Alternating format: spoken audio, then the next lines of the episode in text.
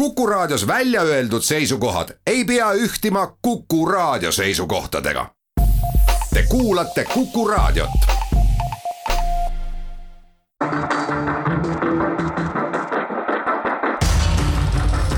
muuli ja Aavik. muuli ja Aavik tere päevast, kell on seitse minutit üle üheteistkümne. Nüüd kohe juba kaheksa algab saade Muuli ja Aavik, stuudios on Kalle Muuli ja Martti Aavik. tere. täna räägime päris paljudest asjadest, sest raske oli isegi teemasid ära mahutada äh, saatesse, aga alustame nagu juba peaaegu et aasta aega tavaks on vaktsineerimisest ja koroonast, koroonast äh, on aasta aega vaktsineerimisest siis mõni kuu. teiseks räägime sellest, et valitsus on eile siis välja tulnud oma saja päeva plaaniga. Ja kolmandaks äh, vaatame natuke ka ühte sellest saja plaani, päevaplaani osa, ehk siis justiitsminister Maris Lauri on äh, lubanud, et äh, vihakõneseadus tuleb kindlasti, Reformierakond plaanis seda ka juba opositsioonis olles esitas ka eelnõu, aga nüüd siis on äh, valitsuses jäme ots nende käes. ja neljandaks, Fermi Energia nimeline ettevõte on teatanud, et oma ootusest, et riik alustaks tuumajaama jaoks eriplaneeringut Eestis. ja viiendana räägime natukene järellainetustest, mida põhjustas äh, Euroopa äh, Liidu kõrge esindaja Josep Borrelli visiit Äh, Moskvasse, mis lõppes äh, noh, üsna traagiliselt ja suure läbikukkumisega, mida siis on siiamaani äh, Euroopas arutatud ja mis põhjustab ka veel praegu ja täna suuri tülisid Euroopa Liidu ja Venemaa vahel ja kuuendaks räägime sellest, mis ei ole nii lillelõhnaline nagu mõni teine teema, ehk siis krimiasjadest. nimelt on prokuratuur ümber kvalifitseerinud Mailis Repsi väärteomenetluse kriminaalasjaks. ja lisaks on sellel nädalal ka selgunud, saanud lahenduse üks eelmise nädala teema, nimelt see, et teadusnõukoja liikme ja PERH-i ülemarsti Talvingu ründajad on juba ka oma karistuse kohtus kätte saanud. muuli ja Aavik. aga alustame algusest ma ei saa nüüd ütelda, et väga kiiresti, aga põhimõtteliselt on tõusnud Eestis taas nakatumise numbrid, need, mis äh, vahepeal alla läksid juba äh, neljateist päeva. Äh, nakatumine saja tuhande elaniku kohta oli meil siin mõni aeg tagasi veel viiesaja kahekümnega mõõdetav, nüüd ta on juba üle viiesaja seitsmekümne, läheneb kuuesajale. ja, ja mulle küll tundub sellel taustal, et valitsus läks püüdma odavat populaarsust või sellist äh, lihtsat populaarsust, kui ta oma esimestel tööpäevadel pärast ametiasse astumist äh, leevendas äh, oluliselt piiranguid ja, ja aitas sellega kindlasti ka levikule kaasa, et need Eesti piirangud ju tegelikult ei olnud mingid ranged piirangud ega mingid elu pärssivad asjad võrreldes sellega, mis teistes riikides on kehtestatud, et. et mul on küll nüüd tunne, et hakatakse uuesti Äh, kraane jälle kinni keerama? Äh, no äh, arvatavasti see nii läheb, et ma ei oska öelda, kui palju nüüd need konkreetsed piirangute leevendamised on mõju avaldanud, aga selge on see, et koolide puhangud on tulnud peale ja noh, see on sellest, et koolid on avatud ja ilmselt sellest need usaldus või, või turvameetmed ei tööta piisavalt hästi. on mitu maakonda, kus vanuserühm kümme kuni üheksateist on vaata, et kõige suurem nakatunute, äh, kõige suurema nakatunute osakaaluga üldse. ja mis on veel oluline ja mis on niisugune ohumärk lähitulevikuks, on see, et nüüd sellest nädalast me teame kindlalt, et ka äh, kurikuulus Briti tüvi, mis siis, millel on siis võime levida tõhusamalt või nakatada rohkem inimesi, on äh, praegu tõestatult Eestis ja miks me seda varem tõendatult ei teadnud, on see väike asjaolu, et äh, oli unustatud raha eraldada äh, viirusetüvede sekveneerimise jaoks siis geneetikalaboritele. aga nüüd on see selge ja kui ma vaatan ümberringi, et teised riigid on väga-väga äh, tõsiselt võtmas seda Briti tüve leviku ohtu. ja saavad aru sellest, siis ma ei ole Eestis isegi märganud sellist avalikku arutelu sellel teemal ega ega ka mitte näiteks mudelarvutusi, et inimesed ja kaasa arvatud valitsus saaks aru siis, mida see tähendab, kui teistsugune tüvi võib lisada nakatumiskordajale R null koma neli punkti. noh, see, kas, kas me arutame selle tüve üle või ei aruta selle tüve üle. et ma arvan, et iseenesest see arutelu selle tüve levikut vaevalt, et kuidagi mõjutab või pidurdab, sellepärast et ega. no aga ega, olu, ega viirus ei, viirus ei kuula meie raadiosaateid. olukord on, olukord on teistsugune ja selle tõttu tuleb ka aru saada, et teistsuguses olukorras või teistsuguse viirusega on tõenäoliselt vaja rangemaid piiranguid, et selles ongi asi, et. noh, mina pigem arvan seda, et, et neid piiranguid ei oleks tulnud äh, lõdvendada nii või teisiti. ka siis, kui meil oleks olnud, ma ei tea, mis tüvi see eelmine oli, Hiina või või kuidas teda nimetatakse, tal ju spetsiifilist nime peale selle teaduslikku ei olegi. või, või riigi järgi kvalifitseeritavat nime. nüüd on meil Lõuna-Aafrikad ja, ja Suurbritanniad olemas, aga siis, kui ameeriklased tahtsid seda Hiina viiruseks nimetada, siis oli tohutu pahandus. et äh, ma arvan, et nende piirangute hoidmine, mis meil äh, senimaani olid ja need olid ju tegelikult äh, eelkõige Ida-Virumaal ja, ja Harjumaal. et sellest oleks äh, võib-olla, et ka suur abi olnud äh, niisamuti, ilma et me peaksime nüüd hakkama äh, tagasi keerama, sest oli näha, et ta siiski see viiruse nakatumiskordaja langes alla ühe nendes piirkondades, seda ju ütlesid ka teadusnõukogu liikmed, ta ei olnud väga palju alla ühe. aga kuskil seal piiri peal ja ka neljateist päeva nakatumise, nakatumiste arv vähenes äh, tasapisi. et, et oleks seda hoidnud, võib-olla oleks äh, saanud ka niisama hakkama, ilma et peaks nüüd hakkama muretsema, et mida see Briti, Briti tüvi erilist siin Eestis teeb no ma ei ole selles üldse nii kindel, et lõppeks on see ju inimkäitumise ja selle viiruse omaduste interaktsioon, mis meie elu siin mõjutab ja selle, selle piiril tuleb kuidagi balansseerida, et. Eh, tegelikult on ikkagi niimoodi, et kui selles eh, eh, viiruse populatsioonis saab ülekaalu selline tüvi, mis on võimeline rohkem või kergemini inimesi nakatama, siis sellel on oluline tähendus, et me samade meetmete korral või kõigi muude asjade samaks jäädes saame näiteks noh, ütleme viiruse kaha- või nakatumise arvude kahanemise asemel selle kasvu. aga praegu on see veel nagu hüpoteetiline jutt, sellepärast et me päris täpselt ei tea ju neid mõõtmisi või, või sekveneerimisi on tehtud lihtsalt liiga vähe selleks, et. noh, see on ka võrreldes tulemusega kohutavalt kallis. see viiruse tüve määramine, aga kui sa vaatad, kuidas ta mujal maailmas on käitunud, eelkõige siis Suurbritannias aga noh, võib-olla ka Soomes, kus ta avastati enne, ega ei tea ju, kas ta kus ta esimesena kohal oli ja, ja kui kiiresti ta kohale jõudis, aga ütleme, räägime, räägime avastamisest siis või teadasaamisest.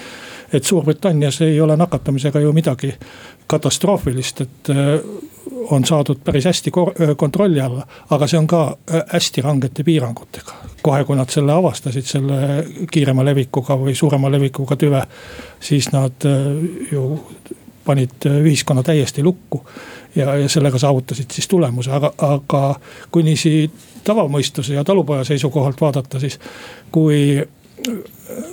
kui sul on kaks meetrit vahet, kust see viirus ei nakka siis pole ju vahet, kui nakkav see viirus on, kui ta kahe meetri taha nii või teisiti ei jõua.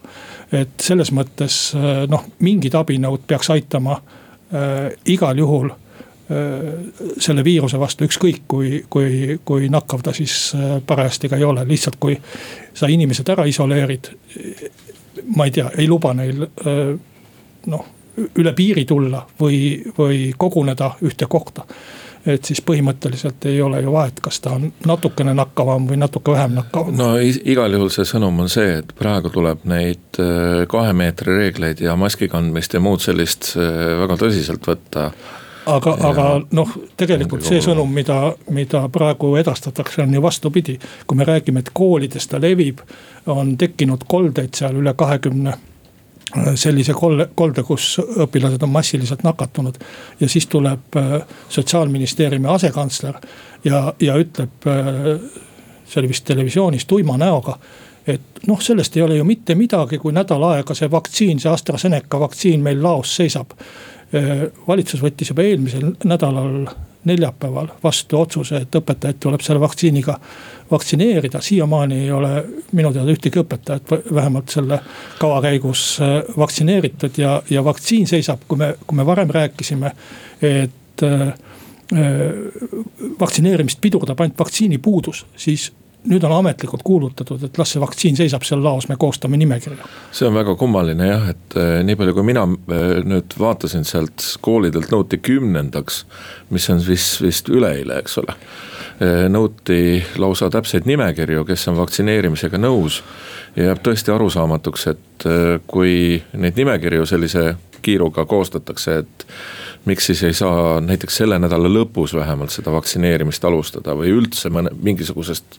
minu pärast kasvõi suvaliselt välja valitud, loosiga välja valitud koolist või midagi sellist. et äh, Eesti on ju siiamaani vaktsineerinud oma väga aeglases tempos äh, umbes äh, seitse tuhat, kaheksa tuhat inimest nädala jooksul. et selle ühe nädala jooksul me oleks oma pooled õpetajad saanud vaktsineerida, Eestis on viisteist tuhat või kuusteist tuhat õpetajat. ja, ja selle asemel koostatakse üle-eestilisi nimekirju kusjuures Eesti vaktsineerimise tempo võrreldes teiste riikidega on langenud. kuu aega tagasi me olime Euroopas viiendal kohal ja maailmas kaheteistkümnendal kohal. ma nüüd paar päeva tagasi vaatasin, siis praegu oleme Euroopas kaheteistkümnendal kohal ja maailmas kahekümne viiendal kohal, nii et äh, kõvasti oleme kaotanud.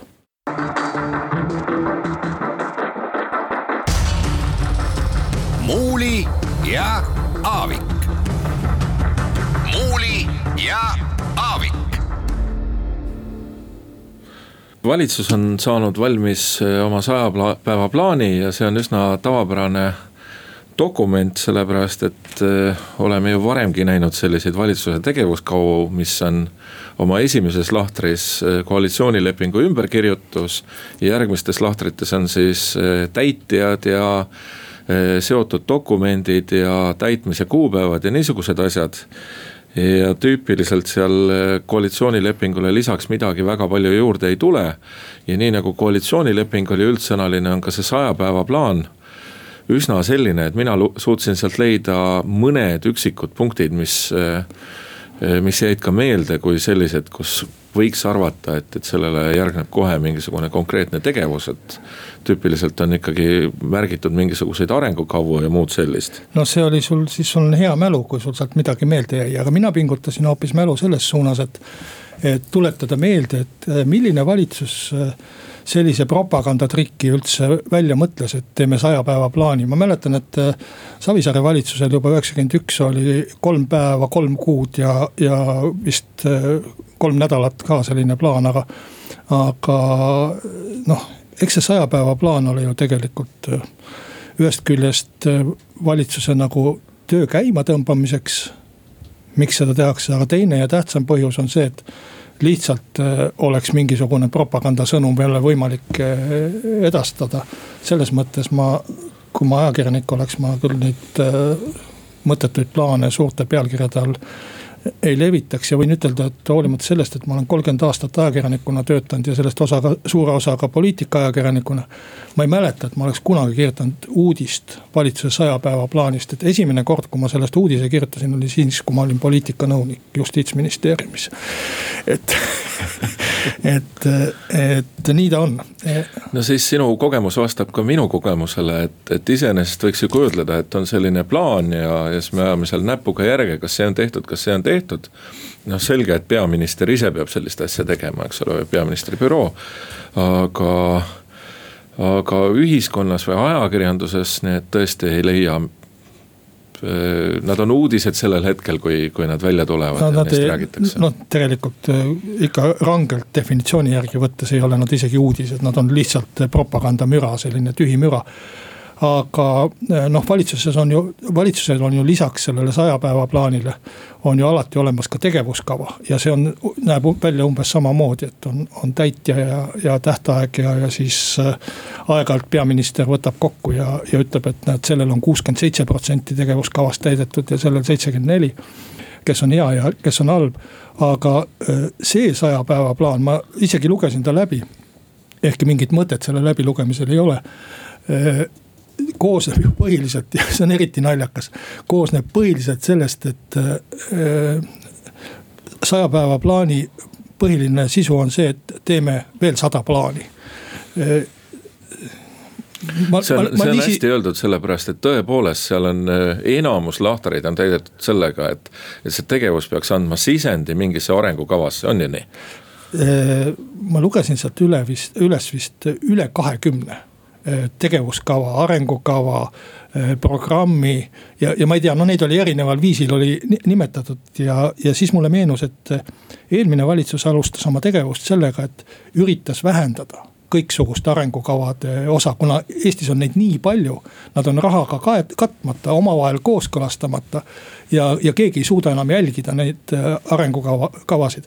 aga me peame, ma pean ütlema, et me jäime eelmises valitsuses jänni selle ülesande täitmisega, et arengukavavu vähendada, aga nüüd on siis nüüd on siis pandeemiast väljumise tegevuskava, turismisektori elavdamise programm, regionaalarengu tegevuskava. Eh, riigi kinnisvarastrateegia uuendamine ja nii edasi, nii edasi, nii edasi, jäädki lugema, et eh, noh, tõeline Euroopa saabub meile Eestisse, mul on selline tunne. nojah, loodame, et eh, loodame, et neid niisuguseid käegakatsutavate tulemustega tegevusi ka on, et, et ma siiski tooksin sealt esile seda, et noh, selge on see, et ettevõtlustoetuste teemadega tuleb tegeleda, ilmselt on ka kooli, koolide nii-öelda pandeemiast väljumise strateegia no nagu päris selle tähenduses, eks ole, et ega strateegia ei ole ju mingisugune paber lihtsalt. võiks võtta süsta ja minna vaktsineerima õpetajaid, mitte, mitte just. koostada tegevuskava. ja no jumala, jumala õige, eks et... ole, aga sinna juurde tuleb ju järgmises, natukene tuleb ikkagi ette vaadata, et selles mõttes ma nii kõr-, kuri ei oleks. et minule küll tundub, et ametnikud on suutnud juba selle mõne nädala jooksul uuele valitsusele pähe istuda, et kui ma kujutan ette, et et äh, Reformierakond on neli aastat olnud opositsioonis, noh, pole kohutavalt pikka aega, aga siiski pikka aega. et siis sa sealt opositsioonist tuled, sul on äh, värskeid mõtteid, äh, uusi ideid, suuri plaane, midagi. ja nüüd tullakse kokku ja ei olegi nagu midagi, on, et hakkame alles plaane koostama ja, ja midagi siin mõtlema ja nokitsema ja teeme jälle mingisuguse tegevuskava ja töörühma. et selles mõttes on küll õnnetu, et noh ta tundub sama väsinud kui tol hetkel, kui Reformierakond opositsiooni läks. kui inimesed on kaua valit-, valitsenud, siis on see loomulik, et nad on väsinud sellest valitsemisest. aga, aga nad tulevad opositsioonist ja, ja tundub, et neil täpselt sama vähe või sellist noh. ma arvan, et nii kuri ei tasu olla. peen, peenhäälestamine läheb edasi. seal siiski on äh, täiesti arvestatavaid plaane ka, aga, aga see dokument no, on tõesti no ma ütlen kasvõi selle, et, et mulle tundub, et see vesiniku täisahela plaan on seal kirjas, aga see on üle koormatud tõesti igasuguse jamaga.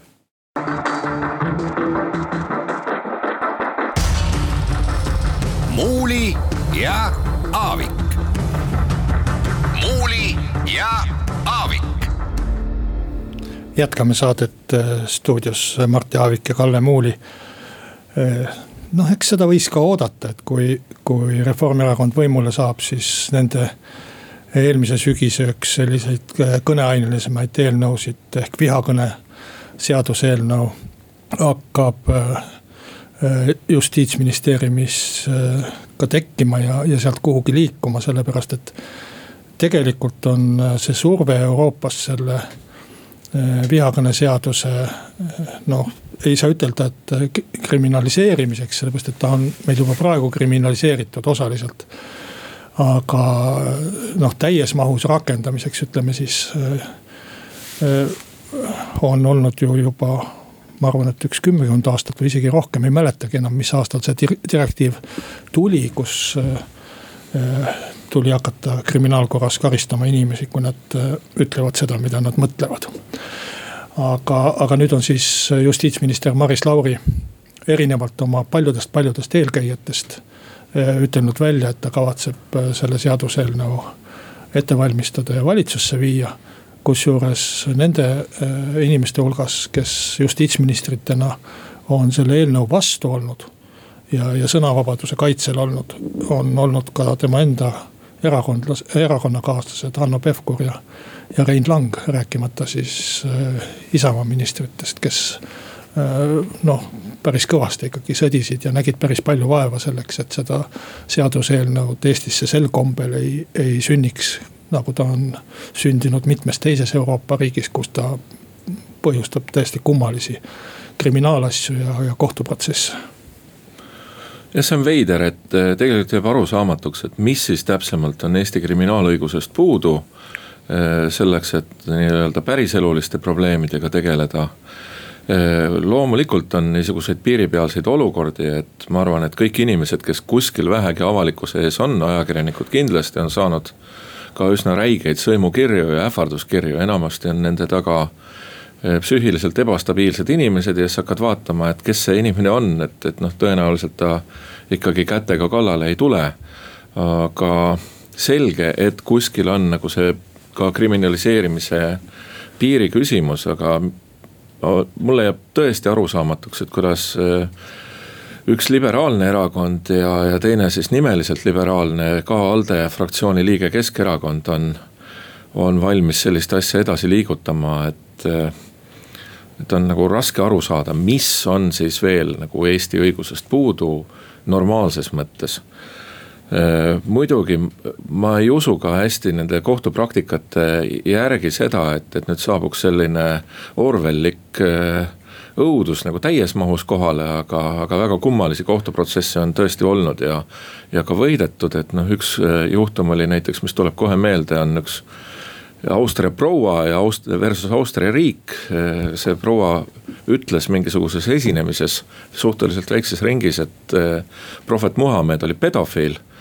ja eh, lõpuks sai süüdimõistva otsuse selle eest ja mingisuguse, tõsi küll, küllalt leebe karistuse, aga, aga no tõesti väga-väga kummalisi kummalisi nähtusi tuleb äh, sellist, selliste piirangutega kaasa ja parem, kui nad oleks väga-väga hästi läbi kaalutud ja aru saadud, et kus on tõesti see kriminaliseerimisvääriline tegu? see äh, noh, eks seal ole palju nüansse, mida Euroopa Liit äh, nõuab Eesti käest, mis ei ole mis ei ole justkui täidetud nende direktiivist, aga, aga kõige põhilisem asi, mille üle käib vaidlus või millele Eesti on siiamaani vastu seisnud, on see, et meie kriminaalkoodeksis on öeldud, et äh, kui sa inimesele, äh, inimest ähvardad ja no ütled, ütled, et ma tapan su ära näiteks.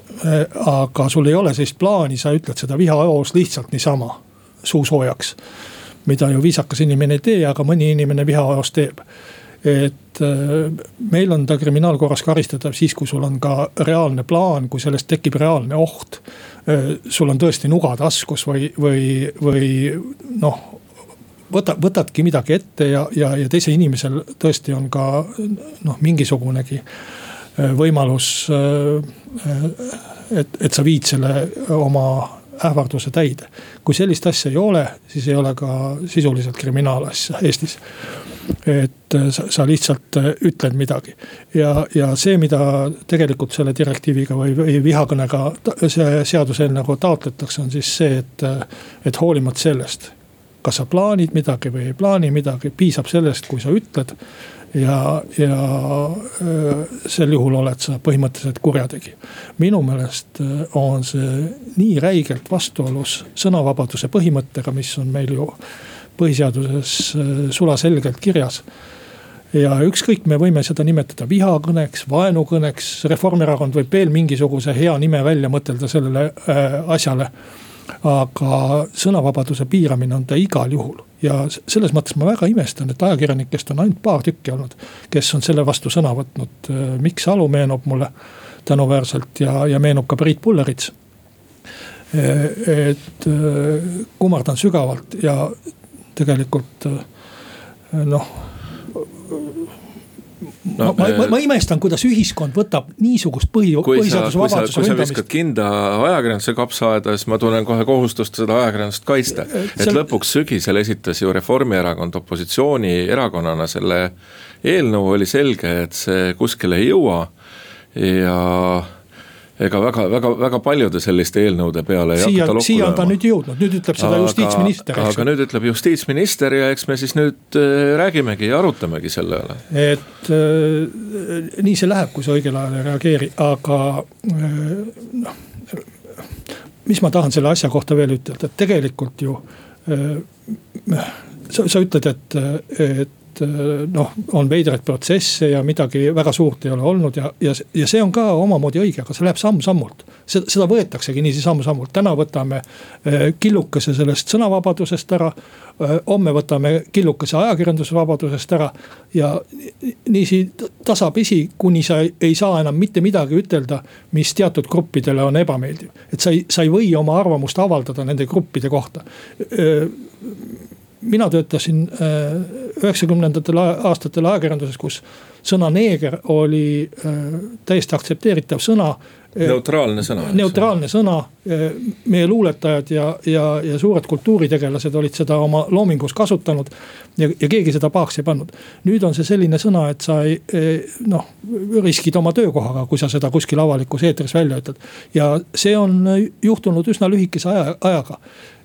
ma ei arva, et me peaksime inimesi niiviisi grupiviisiliselt arvustama äh,, halvustama või, või arvustama, aga, aga kui kellelgi on selleks soovi ja tahtmist, siis tal peab olema vabas ühiskonnas äh, selleks ka õigust ja eks siis teisel grupil on ennast õigus täpselt samamoodi sõnadega äh, kaitsta. et äh, juhul, kui seal taga mingisugust reaalset ähvardust ei ole, siis põhimõtteliselt ma äh, arvan, et peab olema võimalik ütelda äh, eetris, et äh, kui on must, näita ust. ehkki ma tegelikult ei soovi seda mitte kellelegi näidata. et me surume teatud nähtused, teatud hoiakud kuskile põranda alla aga ega nad kuskile ära ei kao ja, ja siis me näeme, mis toimub Ameerika Ühendriikides, millised vastuolud on, on puhkenud. ja millised on Lääne-Euroopas, see ei kao kuskile ära, me lihtsalt teeme eh, pildi ilusaks, et inimesed ei saaks rääkida ma arvan, et siin on veel see aspekt, et äh, kuidagi inimeste mõtetes või nende inimeste mõtetes on äh, tegu ja sõna saanud äh, liiga üheks. oot, oot, oot, seda te ise seal korrad, kogu aeg kordate, et poliitiku sõna ongi tegu. oot, oot, oot, mõnes mõttes ju on, eks, aga, aga see on saanud liiga üheks, et ma arvan seda, et tuleks anda tegelikult sellele inimesele, kes esimesena sõimama hakkas, postuumselt Nobeli rahupreemia. sellepärast, et sõna ei ole ikkagi sama, sama asi, mis minna füüsiliselt kallale ja, ja seda piiri, seda nagu tuleb aru saada, et, et rääkimine on siiski parem kui, kui peksmine. nojah, nüüd mulle meenub, et Jaak Madison esitas tõesti Donald Trumpi Nobeli rahupreemiale vist.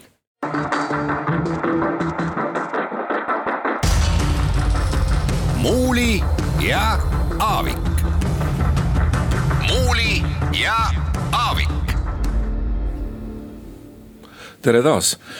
Eh, Fermi Energia, mil, e-, nimeline ettevõte, mille siis esindusnägu on endine poliitik Kalev Kallemets.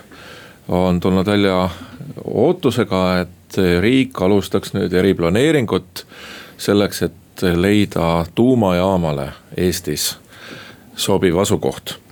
ja see on omamoodi selline väga noh, selgelt väga mitmetahuline teema, et no, minu meelest tuleks alustada hoopis sellest, et. et kas meil ikkagi on seda tuumajaama tarvis äh,, arvestades seda, milliseid pingutusi see ka avalikult võimult nõuab ja järgmine küsimus on turva, äh, küsimus turvalisusest.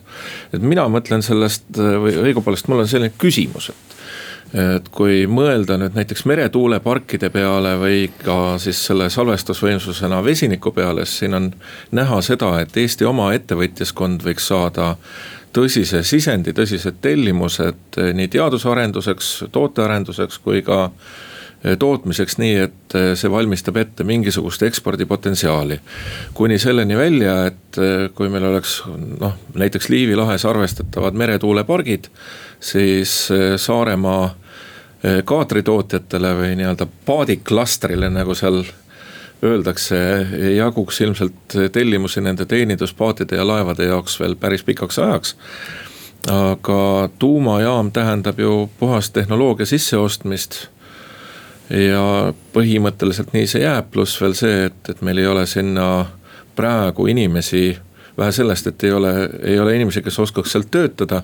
meil ei ole inimesi isegi, kes oskaks selle tuumajaama üle Äh, nagu informeeritult arutleda väljaspool sedasama Fermi Energiat, mis on siis põhimõtteliselt üks iduettevõte. nojah, meie kõik äh, tuumaasjatundjad äh, ongi Fermi energiasse koondunud, ega meil väga palju neid rohkem ei olegi, aga kui vormilisest küljest rääkida, siis see sõna eriplaneering muidugi võib inimesi eksitada ja ehmatada, nii nagu ta eksitas kurikuulsa Tartu või Tabivere tselluloositehase puhul, kus, mis on kõige kuulsam Eesti eriplaneering. tegelikult eriplaneering tähendab ju seaduse järgi seda, et eriplaneeringu algatamine, et uuritakse kas üldse on võimalik kuhugi sellist asja rajada ja kuhu on võimalik ja, ja, ja tulemuseks võib olla see, et ei ole võimalik äh, rajada täiesti vabalt, samamoodi nagu võib ka olla vastupidine tulemus.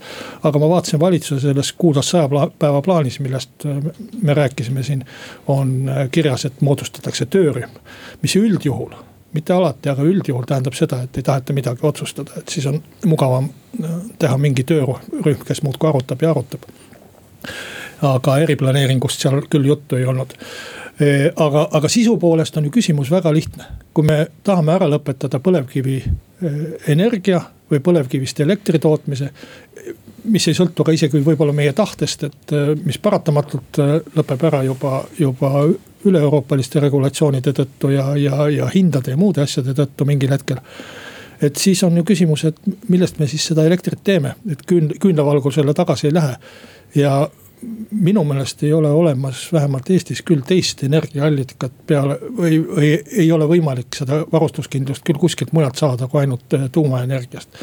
jutud sellest, et äh, teeme päikesest või tuulest, vähemalt praeguse tehnoloogia juures küll ei tundu äh, no, tõsine jutt põhi, olevat. põhi, põhimõtteliselt on lugu selles, et sellise taastuvenergia tootmise juurde peab tekkima ka salvestusvõimsus, on ta siis hüdropumpla, on ta vesiniku tootmine, on ta veel midagi kolmandat, neljandat, viiendat.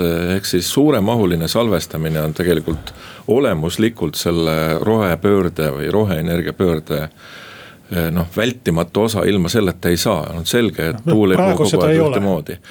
Eh, need on põhimõtteliselt eh, tehnoloog-, tehnoloogiad kättesaadavad ja ega siis ka see neljanda põlvkonna tuumajaam ei ole ju veel valmis, et ajahorisont on ikka kümme pluss aastat, millest üldse võib rääkida, et selline uut tüüpi tuumajaam võiks olemas olla, vähemalt nii palju, kui mina aru saan sellest, et äh, aga minul, minul ongi see küsimus, et me vaatame praegu aknast välja ja näeme, et äh, elekter on kallis ja, ja külm on ja lumi on maas aga neid päevi ei ole Eestis aastas nii palju, et mul on tõesti küsimus, et aga miks me ei võiks siis ka mõelda seda, et, et osa aastast ongi meil selline juhitav või kiirelt käivitatav võimsus, mis töötab näiteks põlevkivil või veel mingisugusel teisel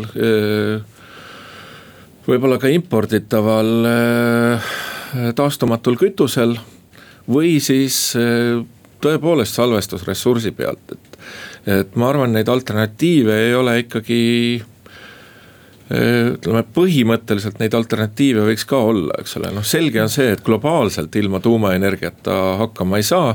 aga millal, kuidas, kas väikeses Eestis täpselt, kus kohas, noh lisa, ütlen ühe teema veel, et. et ma tean, et Eestis on ka omavalitsusi, kes väga tahaksid, et neile tulekski see tuumajaam, sellepärast see tähendab suuremahulisi investeeringuid, töökohti ja kõike muud, et see on ju juba selle ehitamine on võrdlemisi hea äri, vähemalt osadele inimestele. nojah, äh, võiks olla omavalitsustele veel äh, soodsam ja omavalitsused võiksid veel mingisugust suuremat kasu saada sellistest üleriigilistest investeeringutest, siis nad võib-olla mõtleksid sellele ettevõtlusele veelgi rohkem, aga kui ma vaatan, kuidas ümberkaudsed riigid on seda probleemi lahendanud Soomes on ju mitu tuumajaama, äh, lähim neist asub äh, Tallinnast äh, noh, sisuliselt sama kaugel kui Kunda. ega palju vahet ei ole, noh, võib-olla natukene.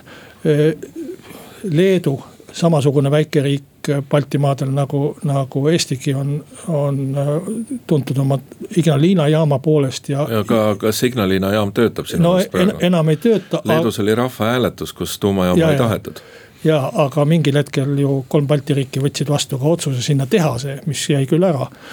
see on õige, et, et noh, see, see ongi rahvahääletus, eks ju.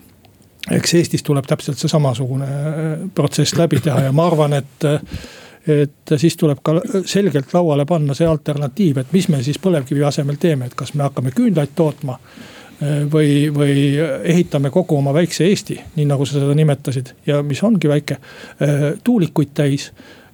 Või tõesti teeme siis tuumajaama. aga lähme võib-olla natukene Euroopa poole edasi, lubasime siin veel Euroopa ja Venemaa suhetest natuke rääkida. kõrge esindaja Borrelli visiidist Moskvasse, mis on siis siiamaani järelkajasid tekitanud ja mille peale siis Isamaa esindaja Euroopa Parlamendis, Riho Terras algatas allkirjade kogumise, et tagandada eh, sellise ebaõnnestunud visiidiga hakkama saanud eh, Euroopa Liidu kõrge esindaja, no suhted on üldiselt eh, vastupidised sellele, mida Euroopa Liit või tema esindaja läks sinna Moskvasse taotlema nüüd võib kuskilt intervjuudest juba lugeda, et Lavrov, Vene välisminister on valmis katkestama suhteid Euroopa Liiduga, mis oleks küll täiesti uskumatu samm. ja ma arvan, et veel olulisem on see, et, et see oli ikkagi tõehetk ka sellistele riikidele ja diplomaatidele nagu ja poliitikutele nagu Josep Borrell näiteks, kes on Hispaaniast ja siiamaani põhiliselt huvi tundnud ilmselt Põhja-Aafrika ja Lõuna-Ameerika vastu. missugune on siis Vene välisminis-, välisteenistuse õppeasutuse MGIMO kool. ja lõppeks sai talle ju ja tervele Euroopa Liidule osaks niisugune alanduste eh, sahmakas, et ma arvan, see Vene välisministeerium keeras ikkagi vindi väga-väga kõvasti üle. ja tulemus on see, et, eh, et ka Euroopa Liidus on noh kinnistunud see arusaamine, et kuidas siis eh, Venemaasse ja nendesse suhetesse suhtuda ja naiivsust on jäänud vähemaks, ma arvan, see ongi selle nädala tulemus. keeruline öelda, sellepärast et ega meile ei ole hea nii ega ei ole hea naa, ega meile ei ole ka hea see, kui äh, Euroopa Liidu ja Venemaa suhted on väga halvad. mis me sellest siis nii väga võidame? muidugi, muidugi. muida, mis me sellest nii väga võidame? Äh, lihtsalt äh, Euroopa Liidu kõrge esindaja tegi ühe, ühe väga lolli sammu, millele Venemaa väga agressiivselt vastas. ma olen mõelnud selle peale, et, et riikides pääsevad poliitika tippu oma ala parimad ikkagi lõppude lõpuks konkurents, no võib juhtuda tõesti nii, et aeg-ajalt pannakse selline keskpärane karjääridiplomaat välisministriks, nagu Eestis praegu on juhtunud. aga, aga üldiselt ikkagi selleks, et sa pääseksid Venemaal välisministri toolil ja oleksid seal nii pikalt nagu Lavrov, pead sa olema väga kõva tegija. aga, aga Euroopa Liidu nendest kõrgetesse ametitesse millegipärast kombineeritakse mitte see kõige tippmine tegija, vaid äh, mingid ametniku tüüpi keskpärased poliitikud ja ma arvan, et sealt hakkabki kõik see õnnetus pihta, mis meid on tabanud seoses Borrelli visiidiga, aga sellega on meie tänane saade lõppenud, järgmisel reedel jälle Mart Jaavik ja Kalle Muuli.